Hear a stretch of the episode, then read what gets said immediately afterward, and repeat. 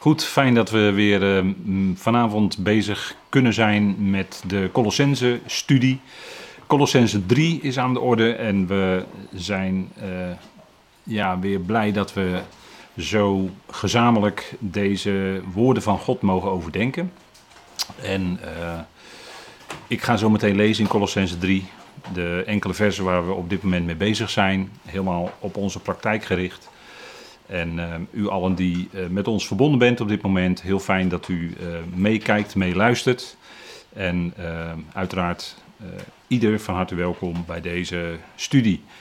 Ik wil graag eerst met u beginnen met gebed. Vader, dank u wel dat we weer met elkaar bezig mogen zijn met dat geweldige woord van u. Het evangelie van de apostel Paulus dat ons zo rijk heeft gemaakt en waardoor we mogen groeien en mogen ook groeien in de diepte van uw liefde. Waar willen we ook vanavond bij stilstaan, Vader. Dank u wel dat u ons hart daarmee wilt voeden en koesteren en rust geven. Gebeurtenissen zijn. Vader, we weten nogthans dat u het bent die alle dingen in uw hand heeft. We danken u dat u bewaart, dat u draagt en dat u ook vanavond wilt leiden door uw Heilige Geest om dat woord van u te kunnen overdragen. Geef ons daartoe de juiste woorden, de beelden, overdracht.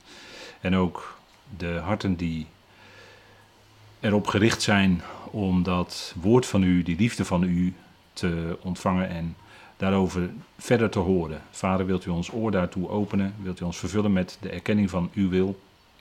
Zodat we steeds meer in, met wijsheid en inzicht die u geeft, u waardig kunnen wandelen.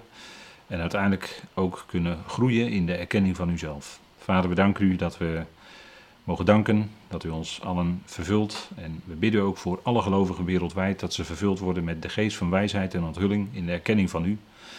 Zodat ze die heerlijke heilgeheimen en de toekomst van de gemeente, de taak en roeping van de gemeente mogen verstaan. Vader, dank u wel voor die hemelse roeping die u ons gegeven hebt in Christus Jezus. We danken u dat we toeleven naar dat grote moment.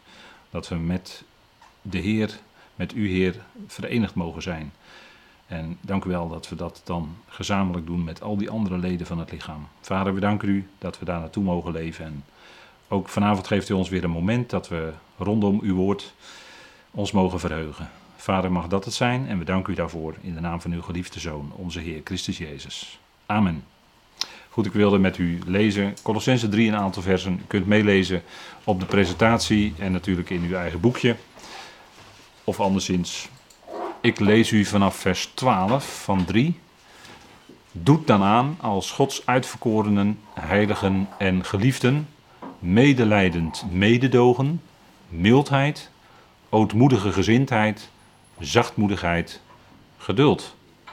Elkaar verdragend en wederzijds genade schenkend, in geval iemand tegen iemand een klacht heeft, zoals ook de Heer jullie genade schenkt, zo ook jullie doet over dit alles nu de band, de liefde aan, die de band is van de rijpheid. En laat de vrede van Christus, waartoe jullie ook in één lichaam geroepen werden, scheidsrechter zijn in jullie hart en wordt dankbaar.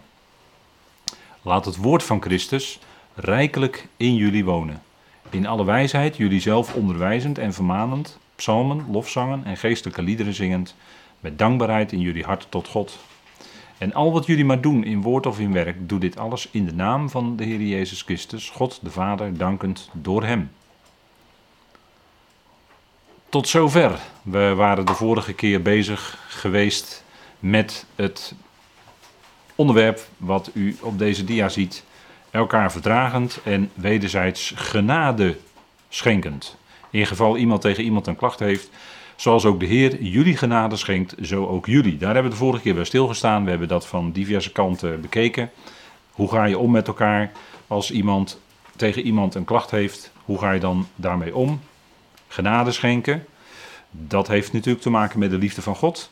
Zoals God ons dagelijks in genade zet en genade schenkt. En ons dus een gunst verleent, hè, want dat is genade schenken. Je verleent iemand een gunst. En je geeft iemand onverdiend. Dus iemand krijgt een cadeautje en uh, die hoeft dat nog niet eens uit te pakken, want dat, ook dat is weer een activiteit en dan is het ook al geen genade meer. Maar je krijgt het cadeau gratis, helemaal voor niets. Dat is nou genade. En Ja, dat is toch de grondtoon, hebben we vorige keer denk ik ook wel gezegd, hè? dat is de grondtoon in het evangelie van de apostel Paulus. En die grondtoon, die pure, zuivere genade van God, die vind je niet in dat andere evangelie van de besnijdenis. Daar komt ook die liefde van God naar voren en ook de genade, maar niet zo diep en zo zuiver als dat bij de apostel Paulus klinkt. Daar is altijd nog iets van voldoen aan de voorwaarden, volharden, uh, noem maar op, hè, wat, wat in, in dat evangelie van het koninkrijk ook klinkt. En die lijnen, hè, als, u, als, u, als u de studies handelingen volgt, dan zult u merken dat we daar heel nauwkeurig de lijnen goed uit elkaar houden. Dat is noodzakelijk, omdat je anders kom je in de verwarring. Hè? Genade schenken, dat is, het, ja, dat is een van de belangrijkste aspecten van het evangelie van Paulus. En dat is zo anders dan wat je bij de besnijdenis hoort. Dat hebben we laatstelijk gezien, vorige week in de studie Handelingen. Daar ging het om vergeving. Vergeving, maar dat is iets anders. Dat is duidelijk iets anders dan genade ontvangen. Vergeving ontvangen, dan kan erop teruggekomen worden. Dan laat je het gaan. Dat is het voorrecht van een koning, die laat dan iets gaan. En die kan daar later op terugkomen. Maar bij genade schenken wordt het je geschonken. En dan is het echt een genadegeschenk. Dat neemt God niet meer terug. Hij schenkt ons in Christus Jezus nieuw leven. Heeft hij ons gegeven. Hij heeft ons gegeven eonisch leven in Christus Jezus. Dat neemt hij niet terug, dat is een genadegeschenk. En op basis daarvan zal ook ieder lid van het lichaam van Christus, straks als de bazuin klinkt, weggeroepen worden en snel weggenomen worden van deze aarde. Precies op tijd. En dat is voorafgaand, en dat kunnen we niet genoeg benadrukken, wat Paulus zegt in 1 Thessalonicense 5. En gisteren is daar een woord vandaag extra aan besteed. En als u dat nog niet heeft gelezen, dan raad ik u toch aan om dat te doen. Want daarin wordt heel duidelijk uiteengezet dat wij worden weggenomen, snel weggegrist, voor de verontwaardiging van God, die beschreven staat in het boek Openbaring. Dus pas als de gemeente is weggenomen van de aarde, daarna pas komt die verontwaardiging van God. En komen de gerichten dus, die in openbaring beschreven staan. Dus dat boek openbaring, dat is, nogmaals, dat is nog toekomst. En daarvoor vindt een enorm genademoment plaats. Dat is als de bazuin klinkt en wij de Heer ontmoeten in de lucht. Niet op aarde, in de lucht, want dat is wat er staat. En dan wordt ook tegelijk op dat moment de periode of het beheer dat is in het Grieks het woord oikonomia, dat is letterlijk huiswet. En dat vertalen we dan als trefwoord met het woord beheer. Dan wordt het beheer van de genade van God afgesloten met dat gebeuren. En daarna breekt er een andere tijd aan, die in de schrift genoemd wordt de dag van zijn toren. De dag van zijn verontwaardiging, zeggen we dan. En dat is een hele andere periode. En dan gaat het karakter van de tijd ook veranderen. En dan gaat het evangelie van de besnijdenis ook weer gelden. En dat roept dan tot het koninkrijk. En dat is een aards gebeuren. Dan ga je, als je daartoe geroepen wordt, en je hoort niet bij het lichaam van Christus dus, maar je wordt daartoe geroepen, dan ga je richting dat aardse koninkrijk. En dan zul je een hele moeilijke periode van verontwaardiging, van grote verdrukking, die over Israël en over de volkeren zal komen, meemaken op aarde. En dan moet je volharden tot het einde en dan kun je levend eventueel dat koninkrijk op aarde binnengaan als hij zijn voeten zal zetten op de Olijfberg. Dat is zijn aanwezigheid op de Olijfberg. Dat is het woord parousia. En dat is een ander moment, dat is later in de tijd, dan zijn parousia, dan zijn aanwezigheid in de lucht, waar Paulus over schrijft in 1 Thessalonicense 4.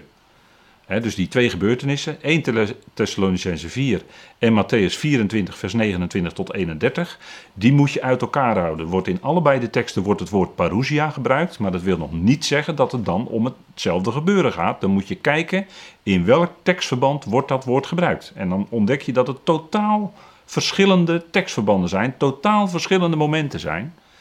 Eerst 1 Thessalonicense 4 en pas, als u het mij vraagt, minstens zeven jaar daarna, minstens, kan ook meer zijn, komt zijn parousia op de Olijfberg. Dan zal hij zijn voeten zetten op de Olijfberg. Na Matthäus 24, naar Zacharia 12, naar wat Jezaja heeft voorzegd. En dan komt de wedergeboorte van Israël. Die gebeurtenissen moet je echt heel goed uit elkaar houden. Doe je het niet, dan ga ik weer over verwarring spreken, want dan ga je dus de lijnen door elkaar halen en dan kom je in de eindeloze brei en verwarring en niemand weet hoe het zit. En Paulus geeft ons, als je bij dat evangelie van Paulus blijft en die brieven van Paulus, dan volg je ook de verwachting die de apostel Paulus voor de gemeente uiteenzet. En die verwachting is voor ons allereerst het grote gebeuren 1 Thessalonicense 4. En daarna gaan we in onze bediening te midden van de hemelsen, zoals Efeze dat zegt. Dat is de verwachting via het evangelie wat de apostel Paulus bekend mocht maken. En dat moet je dus niet verwarren met de verwachting voor Israël, waar ik het net over had, Matthäus 24 en de profeten. Hoe geweldig dat ook is. Maar die moeten een hele moeilijke tijd meemaken. En vraag me niet waarom wij dan niet door de grote verdrukking moeten en anderen wel. Daar kan ik maar één antwoord op geven. Dat is waar we mee bezig zijn. God schenkt ons genade. Dat is het enige. Want als u nou mij vraagt, heb je het verdiend? Nee, nee, als ik naar mezelf kijk, absoluut niet. Integendeel zelfs, heb ik totaal niet verdiend. Maar God schenkt ons wel die genade. En als u dit beluistert en, en u, u kent uzelf in het licht van het evangelie, dan zegt u, ja, ik heb het ook niet verdiend. En toch gaat u mee met die bazuin. Dat is genade dus. Dat is, dat is totaal niet verdiend. Wat hebben wij eraan verdiend dat wij die grote verdrukking niet hoeven mee te maken? Niks, dat hebben we helemaal niet verdiend. Maar dat is genade die God ons geeft. En ja, dat is heel bijzonder. En dat is dan een reden om dankbaar voor te zijn en, en je over te verheugen. Dat is ook genade natuurlijk, hè? dat is hetzelfde begrip allemaal. En als je genade geschonken wordt en je beseft dat, dan geeft dat bij je binnen ook blijdschap, geeft dat vreugde. En dat wens ik u zo toe, dat u dat ook heeft. En kijk, nu zegt Paulus, dan gaat hij nog een stap verder. Hij zegt, doet over dit alles nu de liefde aan die de band is van de rijpheid. En over dit alles, wat bedoelt Paulus dan? Wat heeft hij dan daarvoor gezegd? Dat hebben we natuurlijk met elkaar besproken. Dat is die ootmoedige gezindheid, die innerlijke ontferming, die barmhartigheid, die mildheid waar hij over gesproken heeft in vers 12. En in vers 13 het genade schenken. En dan zegt hij over dat alles doet de liefde aan als de band van de rijpheid.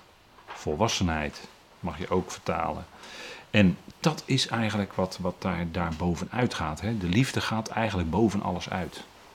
En de liefde geeft ook uh, zou ik willen zeggen, de energie om daadwerkelijk die andere genade te kunnen schenken. Waar komt die kracht vandaan? Dat is die liefde van God. En dat geeft ook die band, die, hè, want Paulus heeft het hier, kijk, hij heeft het hier over de band van de rijpheid. En als je nu nadenkt over een band met elkaar hebben, dan zou je kunnen zeggen, even afvragen welke band heb je nou als mens. Dan kun je zeggen, ja, ik heb een band met alle andere mensen, want dat zijn ook mensen. Klopt, ja, er zijn allemaal Adam-mensen. En je bent in Adam, hè? Je, je bent een, een nageslacht van Adam. Dus dan lees je bij Paulus in Adam. Maar die band waar Paulus nou over heeft in Colossense 3, is dat nou uh, die band in Adam en levert dat een goede eenheid op. Want Paulus heeft het over eenheid.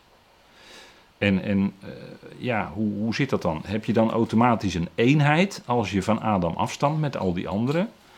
Uh, nou, de vraag stellen is eigenlijk al beantwoorden. Hè? Kijk, uh, die mensheid die is zwak.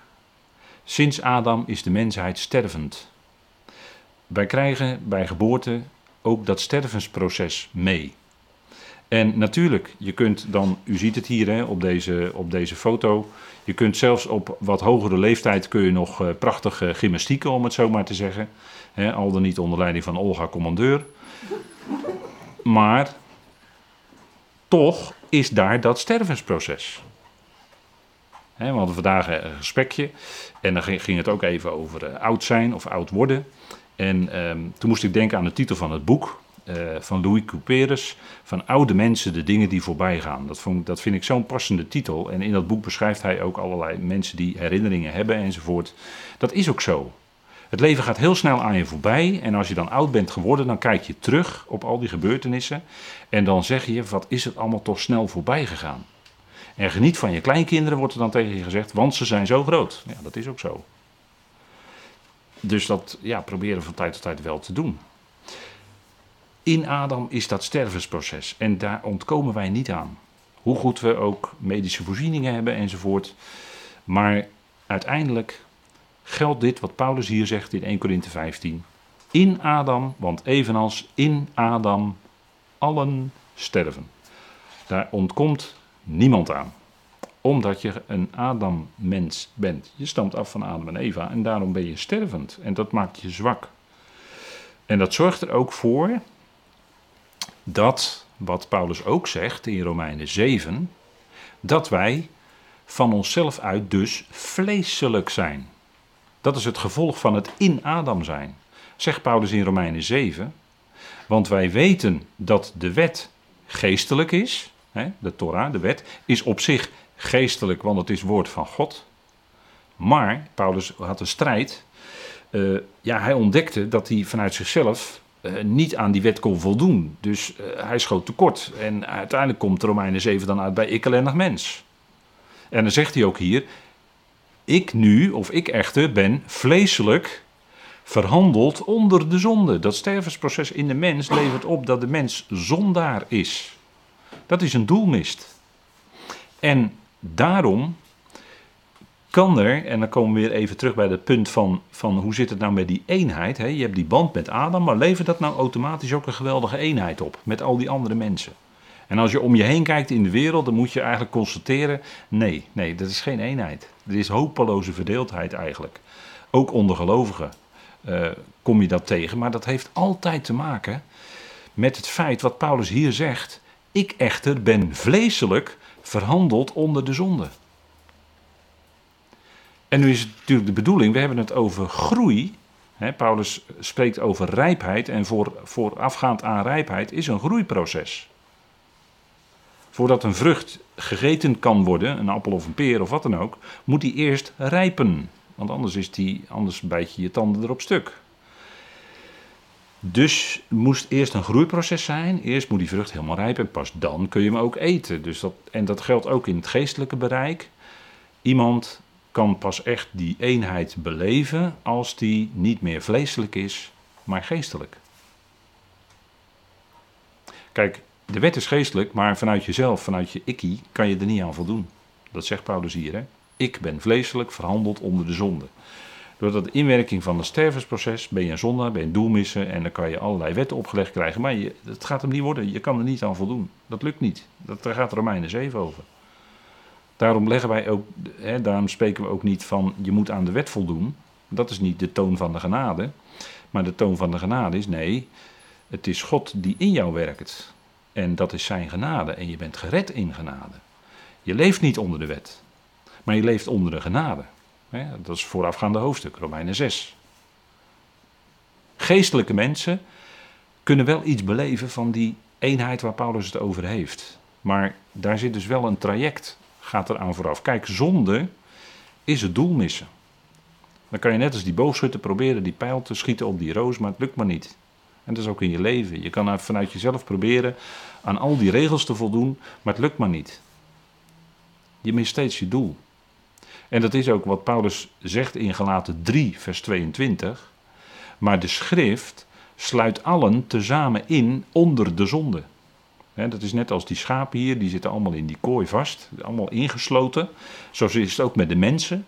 Al die mensen die zijn allemaal ingesloten als het ware in een kooi en, en allemaal met tralies eromheen, kunnen niet weg, allemaal besloten onder de zonde. Dat is, dat is, wat, dat, dat is wat het woord eigenlijk betekent tezamen ingesloten onder zonde.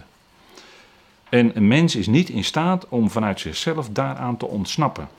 En kan dus ook niet die werkelijke eenheid beleven. Je hebt wel een band met al die andere mensen, maar de echte eenheid ervaar je daar toch niet mee. Dat is één. En dan kunnen we nog naar een andere bekende gaan uit de geschiedenis. Dat is Abraham. Want is het nou zo dat de band met Abraham garandeert dat er een ware eenheid tot stand komt? Dus bijvoorbeeld of je behoort bij het volk van Israël. Of dat je hoort bij de, als ik het iets breder trek, de Semitische volkeren. Degene die van Isaac afstammen, dat is natuurlijk Israël.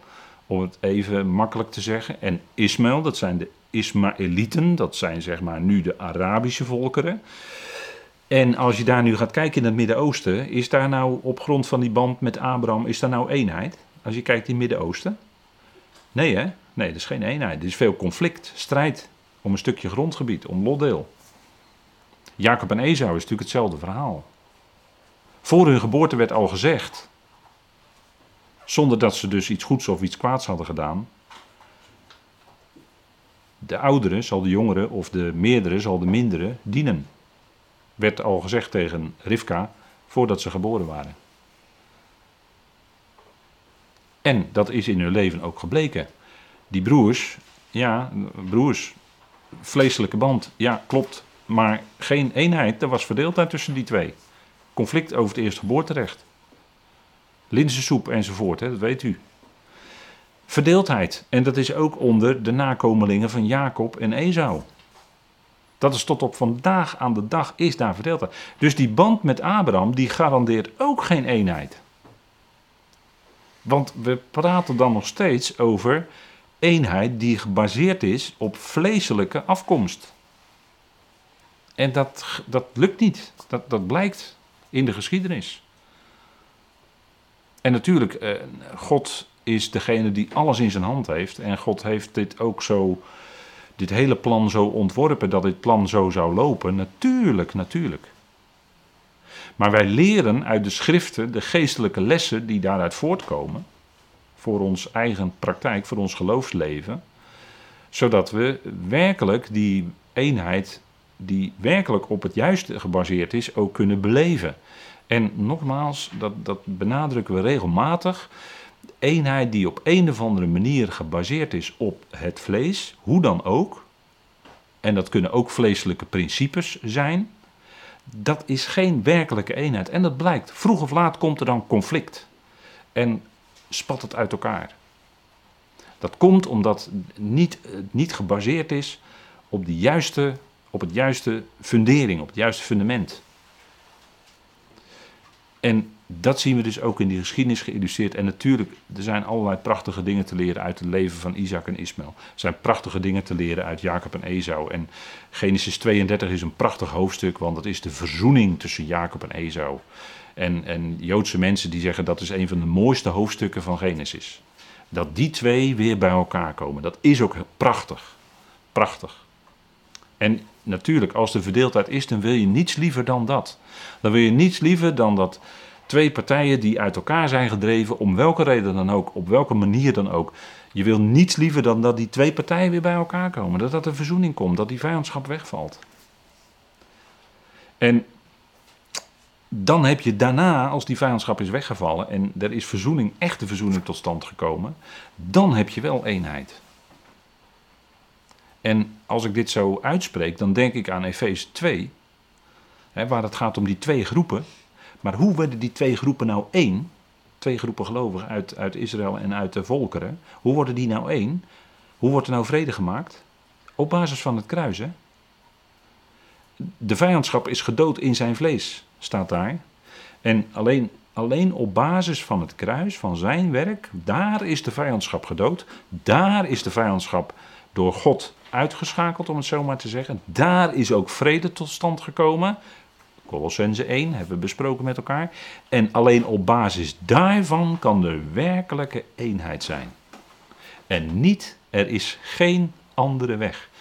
Dat leert ons de geschiedenis. En een bekende historicus, Toynbee, die heeft wel eens gezegd: De geschiedenis leert ons dat de mens niets leert van de geschiedenis. En het punt is dat wij dat evangelie naar ons toe krijgen, de schriften, die liggen vast. De schriften veranderen niet. Je kunt de schrift niet veranderen. Ja, dat kun je wel proberen, maar dat zal altijd tot jouw eigen schade zijn. De schriften liggen vast en uit die schriften leren wij dat werkelijke eenheid nooit gebaseerd kan zijn op iets wat mensen menen tot stand te kunnen brengen, dus vanuit het vlees. Nee, werkelijke eenheid kan alleen maar gebaseerd zijn op grond van het werk van onze Heer Jezus Christus aan het kruis. Dat is de ware basis tot eenheid. En dan, op basis daarvan, word je geroepen en ontvang je ook de geest. En daar zit het punt, hè. En dat is nou altijd het conflict in ieders persoonlijk geloofsleven. Vlees en geest, hebben we met Galaten ook uitgebreid gezien, hè? Galaten 5, conflict tussen vlees en geest. Gaat de Romeinen ook over, hè? Romeinen 6, 7, 8. Gaat ook over conflict tussen vlees en geest. En nu is het zo dat als wij groeien, dan gaat die geest van God steeds meer in ons persoonlijk geloofsleven de overhand krijgen, zodat we meer en meer leven op God gericht. En dan ga je ook meer en meer die eenheid beleven in de praktijk. En dat is waar het om gaat.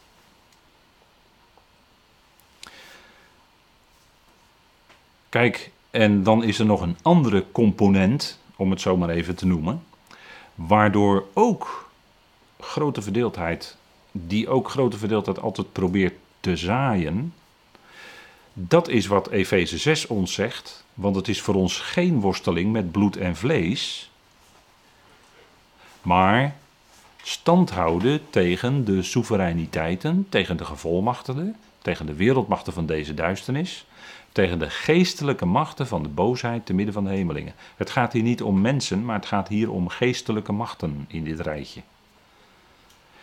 Wij hebben dus te maken ook nog met een geestelijke weerstand, waartegen wij zouden stand houden en daarvoor krijgen wij die hele wapenrusting van God aangereikt.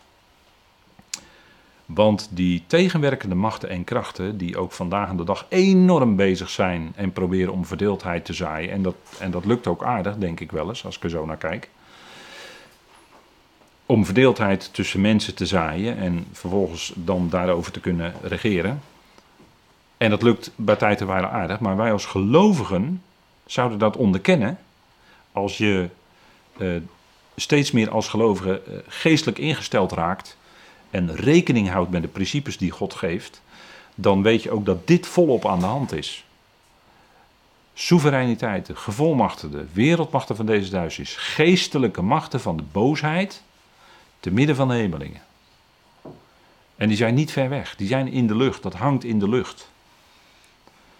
En omdat men ook weet in de geestelijke wereld dat de tijd kort is, deze boze aion gaat binnenkort ook eindigen, is daar steeds meer in de afgelopen honderden jaren steeds meer activiteit uh, merkbaar geworden. Binnen de mensheid, vaak nog in het, op, in het verborgene, maar wel degelijk activiteit, geestelijke activiteit, dus van deze vijandige, duistere machten. En die uh, krijgen en die proberen in onze tijd steeds meer invloed te krijgen op de mensen. En gelovigen zouden daar ook dan heel alert op zijn. Want dat, dat, die, die, zij willen niets anders dan tweespalt zaaien. Zij willen niet anders dan verdeeldheid brengen. Ook vooral tussen gelovigen. Dat is, dat is, heel, heel, dat is het meest grootste speerpunt, om het zo maar te zeggen. En dat, daar zou, dat zouden we ons goed bewust zijn. Dus als je weerstand ondervindt, dan komt dat via mensen, dus via bloed en vlees. Maar we kijken naar wat achter die mensen zit, wat die mensen beweegt, wat die mensen in beweging zet. En dat zijn die geestelijke machten. Dat is die andere geest. En eh, soms verbaas je erover dat mensen die toch uh, gelovig zijn en uh, jarenlang mee zijn gegaan, dan ineens toch een hele andere koers blijkt te gaan. Geestelijk gezien. Heel anders. Heel anders. En daar verbaas je dan soms over. Maar dat heeft natuurlijk hiermee te maken. heeft hiermee te maken. En dat is natuurlijk ook heel belangrijk. Hè? Als we praten over eenheid en verdeeldheid. Dat heeft alles te maken ook met de werking van de liefde van God. Hè? Als, eh, als, het, als de wetteloosheid toeneemt, zegt de Heer Jezus, dan zal de liefde gaan verkillen. En als de liefde verkilt, dan krijg je onherroepelijk verdeeldheid ook. Hè? Dat, is, dat is echt communicerende vaten. Loopt die liefde terug, dan neemt de verdeeldheid toe. Hè? Dat, dat gaat echt zo. En andersom. Dus het punt is dat we dat, dat ons goed bewust zouden zijn. Hè? Kijk, Colossense 3, daar zijn we mee bezig. Wat heeft Colossense 3 ons gezegd? Dat wij afleggen die wandel van de oude mens. Dat is een beeldspraak, hè, oude mensheid. Dat is, dat is een beeldspraak voor onze oude levenswandel, ons oude ikkie, zeg maar. eigenlijk is die op Golgotha, is daar die verbinding mee verbroken. Heeft eigenlijk geen recht, kan die oude mens, of die macht, die, die macht van die oude mens, hoe je het zo ook zeggen wilt, die kan, die kan eigenlijk geen rechten meer op ons doen gelden, want wij zijn tezamen met Christus mede gekruisigd, gestorven en opgewekt in een nieuw leven. Een nieuwe ik is Christus. Dus die zondemacht, de zondemacht, die heeft eigenlijk, de zonde heeft eigenlijk geen aanspraak meer op ons. Dat is wat Paulus duidelijk maakt in Romeinen 6. Hè? Dan zegt hij ook dat, eh, in vers 6, dat die, dat, die, dat, dat die oude mensheid is gezamenlijk met Christus meegekruisigd. Dat zijn die vier kruisen op Golgotha samen met die ene. Die wordt daarin in de getallensymboliek zelfs wordt het ook nog uitgedrukt. Twee rovers en twee misdadigers. Dat, dat zijn u en ik, naar onze oude mens. Rovers en misdadigers. Maar die zijn met de Heer gekruisigd en wij zijn ook dan gewekt geworden met Hem om in nieuwheid van leven te wandelen. Dat is heel anders. Dus die zonde heeft eigenlijk geen aanspraak meer op ons. En de consequentie daarvan is dat we onze ledematen niet langer stellen in dienst van de zonde of van de ongerechtigheid, maar stellen in dienst van God. De, gerecht, de rechtvaardigheid. We hebben een andere Heer. Die zonde is niet langer degene die Heer over ons is, nee, de Heer. En dus daarmee ook zijn genade natuurlijk. Die zit op de troon. We hebben een andere Heer gekregen. En de Heer Jezus die maakte een hele wezenlijke die zei iets heel wezenlijks in Matthäus 6, in, in de, wat we dan kennen als de bergreden. Daar zegt hij, niemand kan twee heren dienen. Hij zal de eerste haten en de tweede lief hebben. Of hij zal juist toegewijd zijn aan de ene en de andere verachten. En dan zegt hij tegen zijn volk, jullie kunnen niet God dienen en de mammon. En de mammon is dan misschien het geld of uh, het bezit of het materiële, uh, whatever. Maar je kunt dus niet twee heren tegelijk dienen. Dat gaat niet.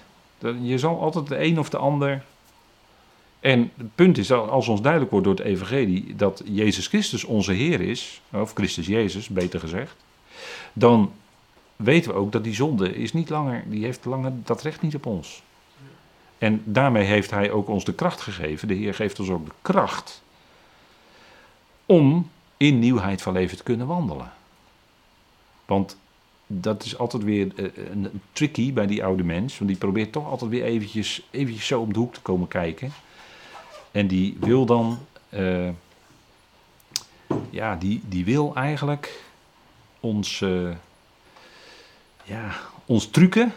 En dan ons wijsmaken van, joh, dat je het toch zelf weer gaat proberen. Vanuit, vanuit dat nieuwe. En dat, dat gaat niet lukken. Dat gaat niet lukken. Nee, hij geeft die kracht in ons, zodat wij in nieuwheid van leven daadwerkelijk kunnen wandelen. Dat is heel erg wezenlijk. Dat is heel wezenlijk. In nieuwheid van leven wandelen. Dat is onder die Heer die wij nu mogen kennen, die ons lief heeft en die ons steeds weer ook opbeurt en bemoedigt en opricht en, en nieuwe kracht geeft dat was even in de studie handelingen kwam dat naar voren. Dat degene die de Heer verwachten, die putten nieuwe kracht. dat is een fijn woord uit Jezaja. Degene die de Heer verwachten, die putten nieuwe kracht. Als je daar weer, als, als God je daar weer op attendeert, dan heb je weer nieuwe kracht om door te gaan. Daar waar je soms wel eens moedeloos wordt in het leven. Dat kan. Dat kun je ook als gelovige wel eens hebben. Dat je er moedeloos van wordt dat het allemaal anders gaat en tegenzit en, noem maar op. Punt is dat wij die Heer mogen kennen, dat Hij ons zo door en door kent, veel beter dan dat wij onszelf kennen. En dat Hij ons die kracht geeft om zo te kunnen leven, vanuit die vreugde van de genade. En dan komen we bij het punt van, ja, we doen dus aan die jonge, frisse mensheid, hè, dat is jong, fris, nieuw. En dat doen we aan, hebben we gezien, medelijdend mededogen, mildheid, ootmoedige gezindheid, zachtmoedigheid, geduld. Hele fijne dingen, die, hele fijne aspecten die diametraal staan op de zonde. bij de zonde gaat het om het eigen oude ikkie en alles is daarop gericht. En bij de liefde van God gaat het om, nee, niet meer ik, maar Christus. En niet meer ik, maar ben betrokken bij die ander. Die ander. Die anderen uh, wil ik ook dienen. In het dienen van de Heer. Dat is het aandoen. Hè? Mededogen, mildheid, ootmoedige gezindheid, zachtmoedigheid, geduld. Dat is allemaal vrucht van de geest. En dat hoort bij die jongen. En dan groeien we op naar die rijpheid. En hoe zit het dan met die rijpheid? Dat is ook tegelijkertijd die eenheid. Hè? Kijk, basis, gelovigen in Christus. Als gelovige ben je in Christus. En in hem is ook de eenheid. In hem is de eenheid. En die eenheid van de geest, want we hebben allemaal die geest ontvangen, die zouden wij bewaren met de band van de vrede.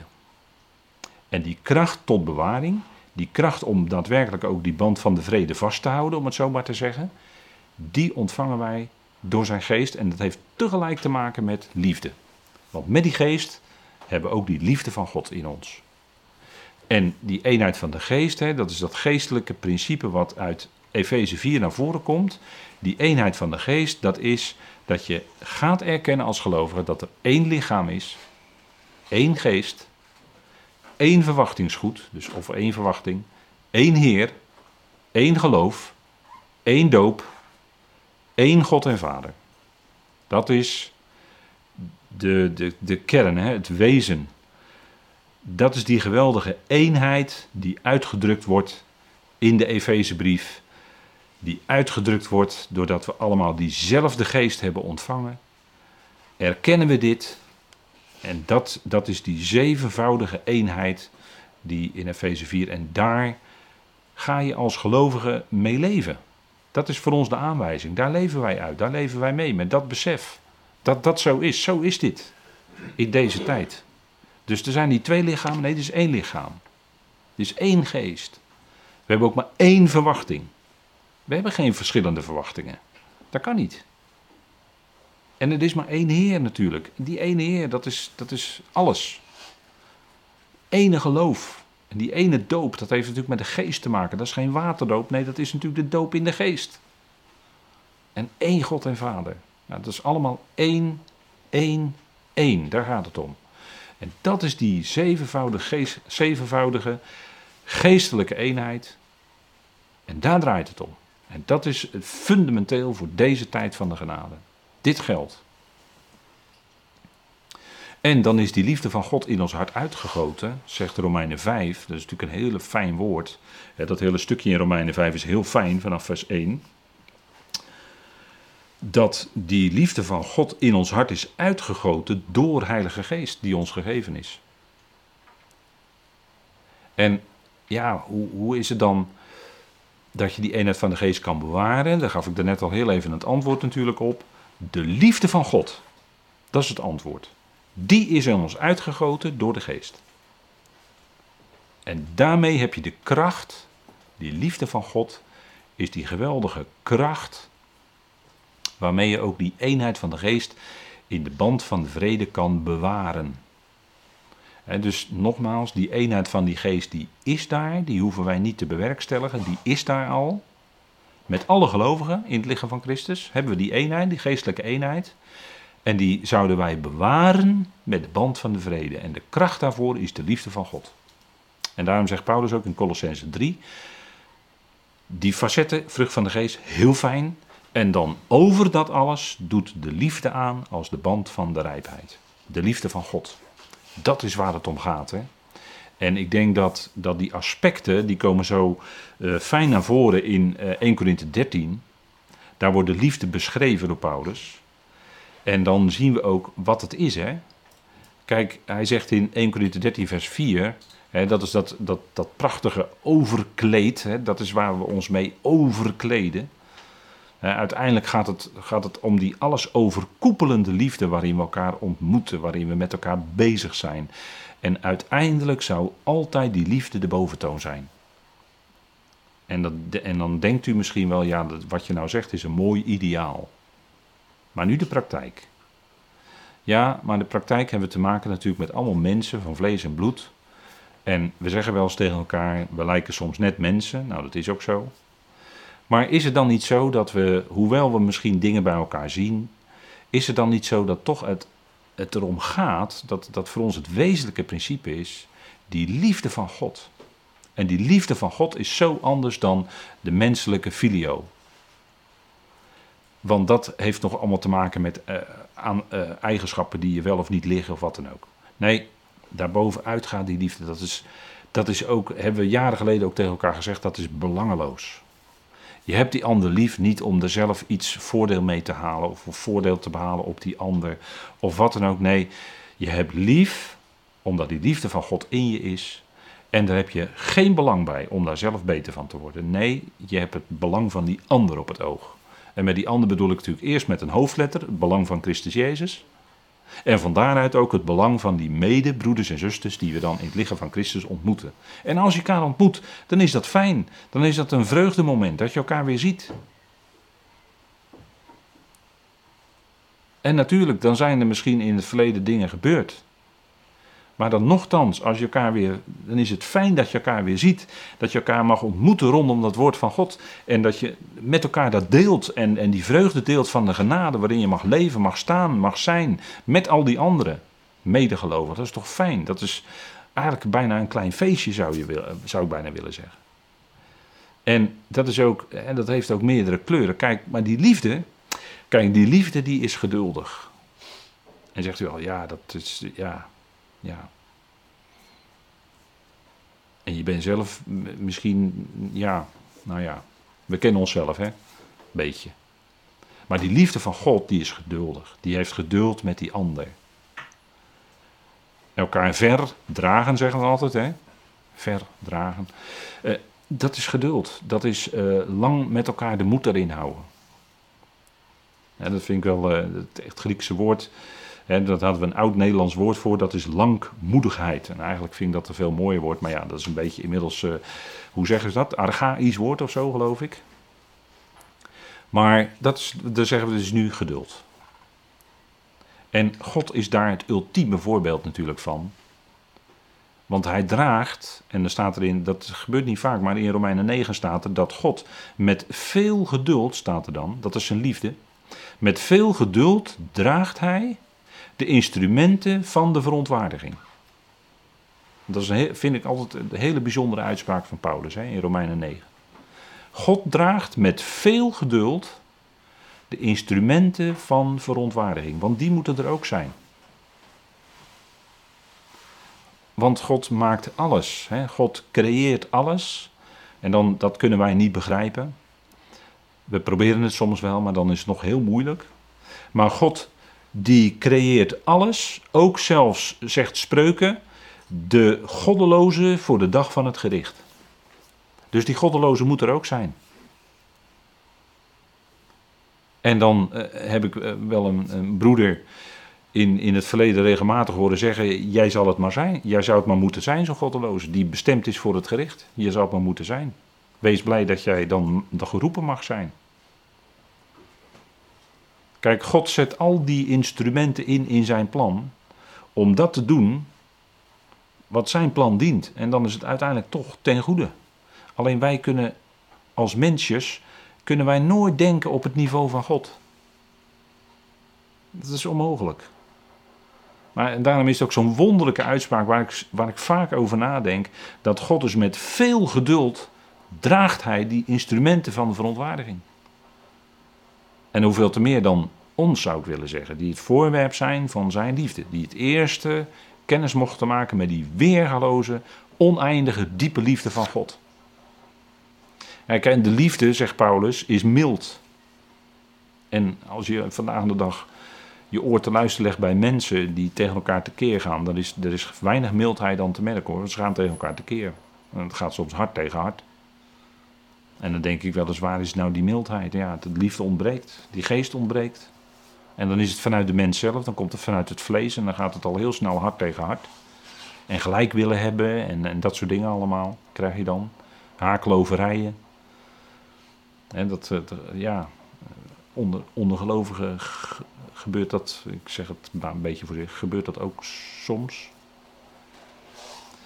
Maar mildheid, hè, mildheid. Kijk, de liefde is niet jaloers. Dat is ook zo'n uitspraak hè, die, die, die, die, die ja, daar, denk je vaak over na. De liefde is niet jaloers. Kijk, jaloezie wil zeggen, ik wil hebben wat jij bezit. Dat is jaloezie. En mensen doen daar soms alles voor. Om dat te kunnen verwerven. En dat berokkent dan schade aan alle, allerlei mogelijke kanten. En ze hebben niet door dat ze in hun jaloezie, in hun bezitterigheid, in hun hebberigheid. ontzettende, ontzettende spoor van vernieling trekken. En eh, het punt is, kijk, die liefde van God die werkt precies het tegenovergestelde. Dat is uh, belangeloos. Dat is iets van je af, hè. En, en dat is dus zo anders dan wat de mens geneigd is om te doen naar zich toe. De liefde is niet jaloers. De liefde snoeft niet. En mensen en ook gelovigen die kunnen soms uh, bedekt toch snoeven. En dat merk je soms. En denk je, ja, ja. Uh, ken je dan jezelf al? Of ja, goed, dat woord moeten doen. Het woord moeten doen. Je bent eigenlijk. Het, het, heeft eigenlijk geen zin om dan als medegelovige met, met een vermanend vingertje daarbij te gaan staan en te zeggen: Je doet het toch helemaal verkeerd. Eh, of dat nou expliciet of impliciet tegen je gezegd wordt. Ach, het heeft allemaal niet zoveel zin. Ik ben ervan overtuigd dat het woord van God moet zijn werk doen. De Heer zelf doet door zijn woord zijn werk in de gemeente. Dat, dat hoeven wij niet voor hem op te knappen, die klussen. Dat doet hij zelf door het woord. Hij is het hoofd. En hij spreekt dat woord in ons midden. En dan kun je lezen. We hebben het in concordante vertaling, de brieven van Paulus, voor een deel. Dat is dat woord wat hij in ons midden neerlegt. Lees dat. Wees daarmee bezig. En eventueel kun je als toelichting bij studies luisteren, maar dat is helemaal niet noodzakelijk. Lees het zelf. Want het gaat om het woord van God zelf. En dan, uh, ja. Kijk, eh, dat is het punt. Hè. Dat, heeft ook te maken natuurlijk met een stukje ootmoedige gezindheid, denk ik. Waar we met Filippenzen toch wel uitgebreid mee bezig zijn geweest. Um, Christus Jezus is het voorbeeld van ootmoedigheid.